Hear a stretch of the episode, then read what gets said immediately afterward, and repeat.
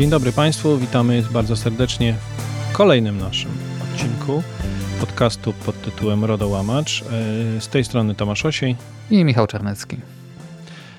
Ten odcinek postanowiliśmy poświęcić e, pewnemu wyrokowi Wojewódzkiego Sądu Administracyjnego, który pojawił się 1 lipca 2022 roku, czyli bardzo świeży.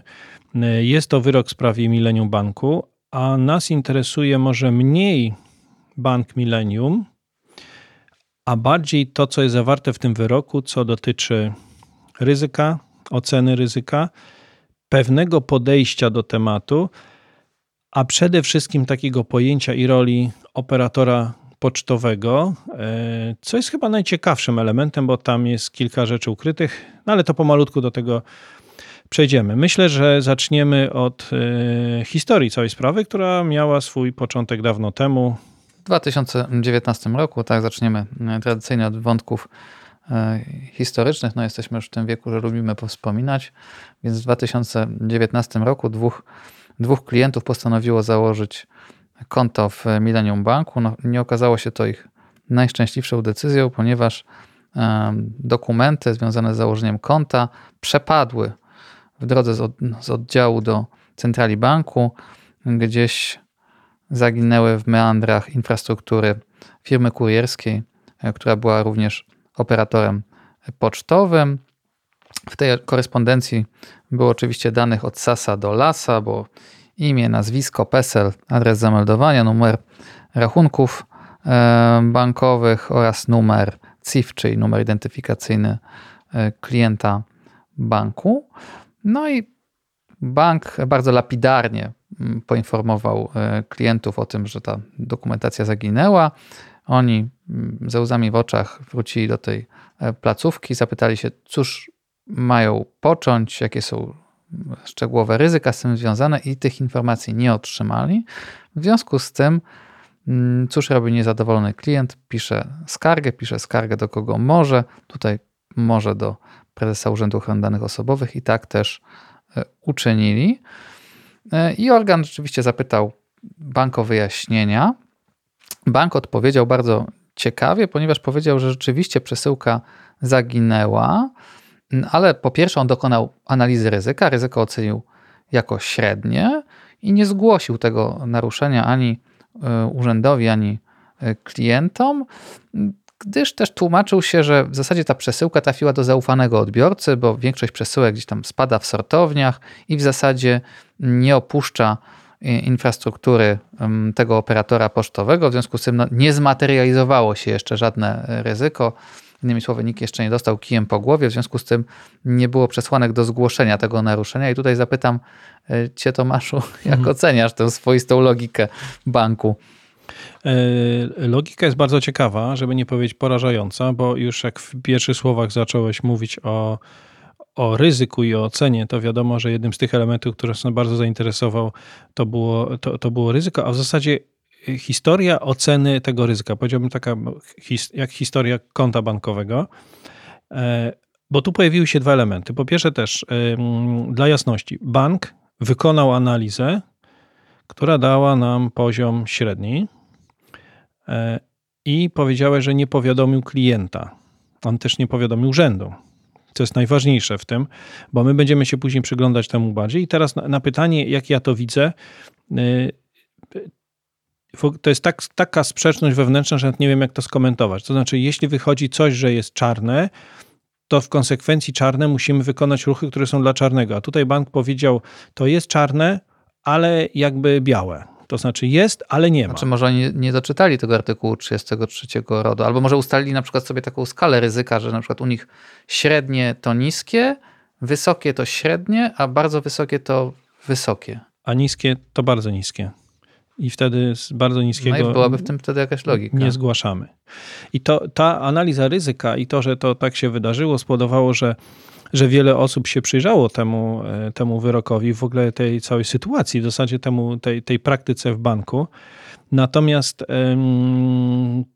to też jest efekt taki, że my oglądając z każdej strony ten wyrok, dostrzegliśmy tam jeszcze parę innych rzeczy. Bo w samej analizie ryzyka to myślę, że tutaj można powiedzieć też z, z jakiego, z jak, jaki sposób bank oceniał, to znaczy jak, jakiego narzędzia użył, ale czy to ma znaczenie, że akurat użyto tego narzędzia, popowołano się na Enisę, czy, czy nie? Wydaje mi się, że nie. Znaczy wyszło średnie, więc trzeba konsekwentnie wykonać to, co należało do średniego ryzyka i zgłosić. Znaczy, nie wiem, jak można to wytłumaczyć. Chyba rzeczywiście mamy tutaj podwójną niezgodność. Znaczy, po pierwsze, mamy tutaj niezgodność z artykułem 33. To jest pierwsza sprawa. Po drugie, mamy wytyczne Urzędu Ochrony Danych Osobowych co do postępowania z naruszeniami i mimo tego, że trwają dyskusje, również spory przed, przed w USA, jeżeli chodzi o, o PESEL, i tego, jak to w zasadzie kończy się on śmiercią niemalże cywilną dla podmiotu danych, no to urząd jasno mówi, jeżeli gdzieś mamy e, ten incydent, naruszenie, które wiąże się z, z PESEL-em, ryzyko z automatu jest wysokie, e, szereg konsekwencji, które też urząd jasno wskazuje w wytycznych, informujemy nie dość, że urząd to jeszcze, e, to jeszcze osoby. No i w konsekwencji no, takiego rozumowania też urząd w październiku 2021 roku nałożył ponad 360 tysięcy złotych kary na, na banki, nakazał poinformowanie podmiotów e, danych. No i sprawa trafiła do, do WSA, który no, podtrzymał to, wskazując, że nie trzeba, tak jakbyś dziecko nocą puścił gdzieś ulicą z plikiem banknotów, no ryzyko nie polega na tym, że ono już musi dostać tym kijem po głowie, tylko że jednak ktoś mu te pieniądze ukradnie przy okazji dając y, kijem po głowie. A dla nas też bardzo ciekawa konstatacja, która się tam pojawiła, to e, właśnie rola, rola operatora pocztowego, gdzie jasno wskazano, że jeżeli chodzi o dane osobowe, to operator pocztowy jest jedynie administratorem danych związanych z przesyłką, czyli danych nadawcy i odbiorcy. Natomiast co do danych wewnątrz przesyłki, administratorem jest nadawca, czyli bank. I tutaj on jest mm, adresatem tych wszystkich obowiązków, które nakłada w tym momencie RODO na administratora. Yy, tak, ja jeszcze wrócę, ale to tylko na chwilkę do tej oceny ryzyka, ponieważ moim zdaniem ten wyrok trochę przeszedł bez yy, aż tak dużego echa, jaki, jaki powinien wywołać. E, powiem dlaczego. Dlatego, że jeśli chodzi o ocenę ryzyka, czyli ten nasz pierwszy punkt, znajduje się takie stwierdzenie, które ja przeczytam, bo ono wymaga rzeczywiście takiej analizy litera po literze. Nie jest istotne to, czy nieuprawniony odbiorca faktycznie wszedł w posiadanie i zapoznał się z danymi innych osób, lecz to, że wystąpiło takie ryzyko. To jest prośba do wszystkich tych, którzy w analizie ryzyka uczestniczą i, i, i, wykonują ją, żeby pamiętać o tym właśnie ryzyku, które może się zmaterializować, które jest, a nie polega na tym, że faktycznie coś się wydarzyło, no ale na tym to polega, że występuje, może się zmaterializować.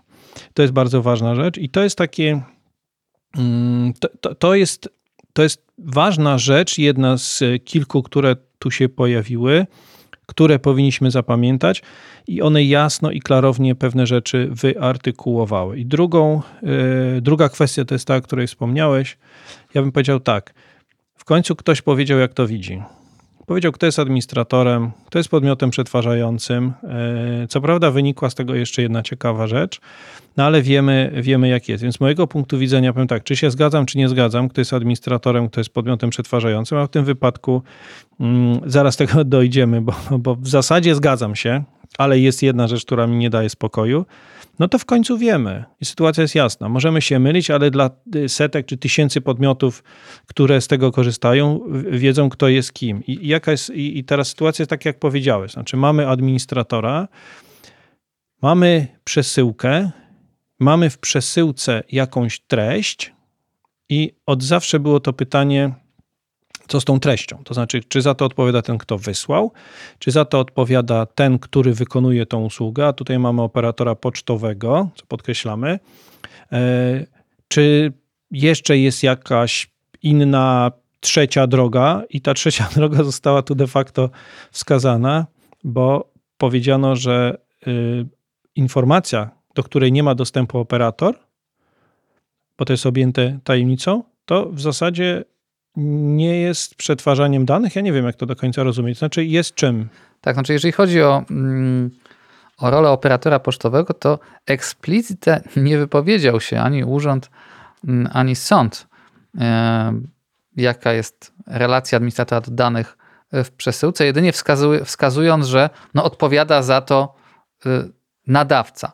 No i tutaj pytanie filozoficzne, kim jest w związku z tym operator, dosyć ciekawe, bo mamy tutaj do czynienia z taką nietypową sytuacją, gdzie ja w ramach pewnej usługi przekazuję komuś dane mhm. i ten ktoś, no zwykle mamy ten dualizm, a w zasadzie już teraz mamy trójcę, tak? Czyli albo ktoś jest administratorem, albo jest współadministratorem, albo jest podmiotem przetwarzającym i tutaj nie mamy do czynienia z żadną z tych y, możliwości.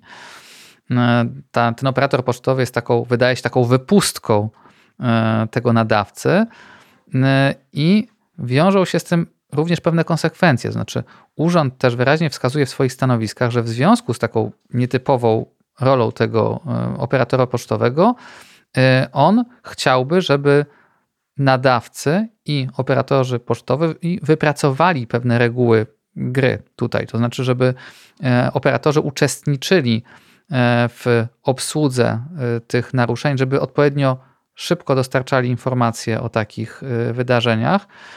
No i pewnie, żeby wspierali tutaj nadawców właśnie w ocenie ryzyka, no bo w końcu to tylko ten operator, który, który tę przesyłkę zgubił, utracił, rozerwał, spalił, utopił, wie dokładnie, E, co się stało, albo przynajmniej wiedzieć powinien. Natomiast rzeczywiście nie, nie uciekamy tutaj uciec nie możemy od tego filozoficznego pytania, co z tymi danymi.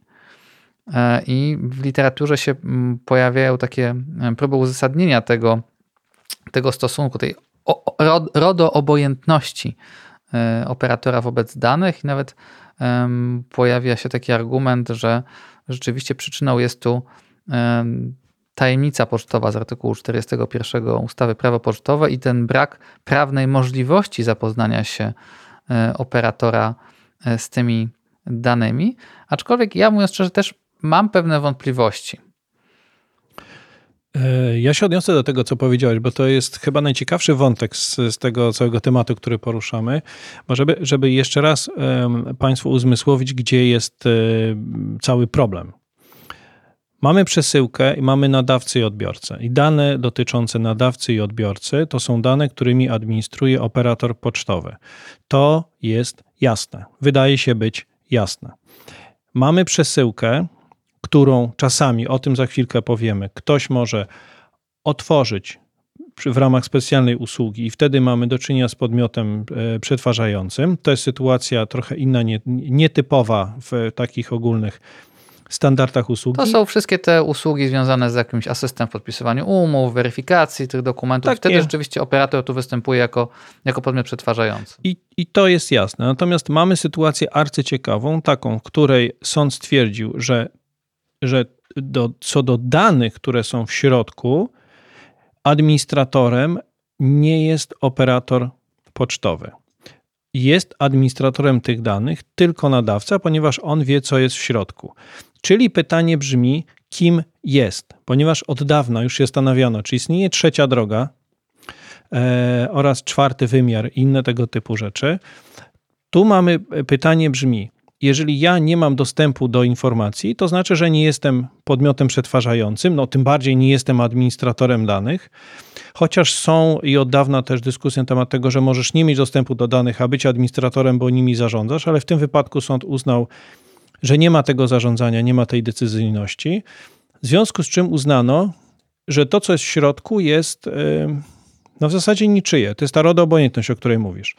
Ja bym sobie zadał teraz takie pytanie. Takich relacji jest trochę więcej. Tych przesyłek, czy powiedzmy braku dostępu do informacji ze względu na tajemnice, które obowiązują, jest trochę więcej, czyli w każdej tej sytuacji mamy do czynienia z tak zwaną rodobojętnością, czyli nie jest administrator, podmiot przetwarzający, czyli to jest ta trzecia droga. Py pytanie, czy nie pójdziemy tu za daleko. Ja nie krytykuję tego, te, tego orzeczenia, żeby było jasne, no bo ono w końcu próbuje rozwiązać jakiś problem i, i nakreśla, Jesteśmy w bardzo ciekawym punkcie. Mamy, y, nie jest to współadministrowanie, mamy administratora, mamy podmiot przetwarzający i mamy coś, do czego nie możemy zajrzeć i to jest nadawcy, który nie ma do tego dostępu, a przewozi to y, operator pocztowy obsługujący, ale nic mu do tego z punktu widzenia RODO.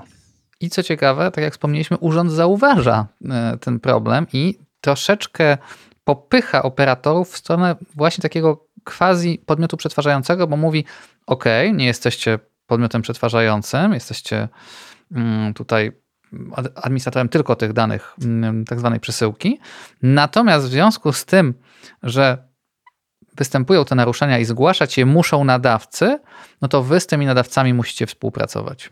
No bo to jest pytanie, już, już kończąc naszą, nasz temat, bo, bo czas nas goni.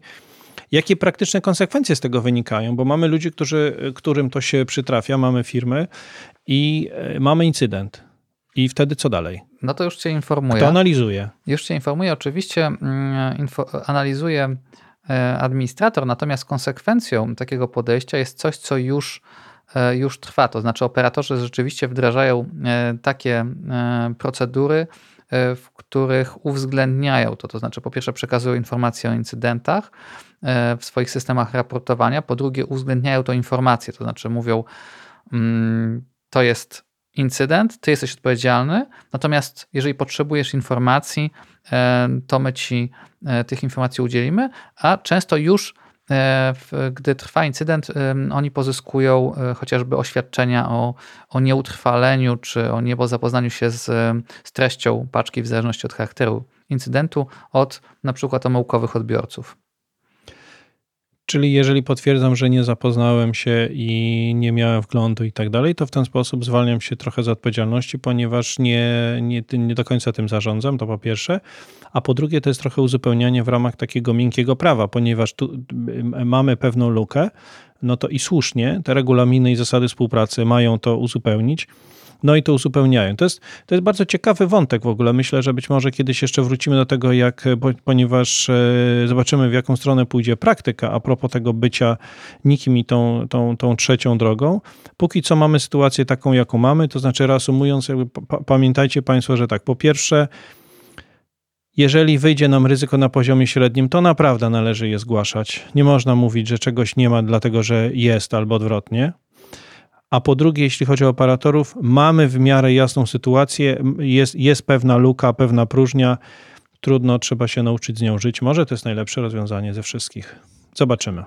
A w międzyczasie życzymy jak zawsze spokojnego przetwarzania. Dziękujemy, do usłyszenia, do zobaczenia.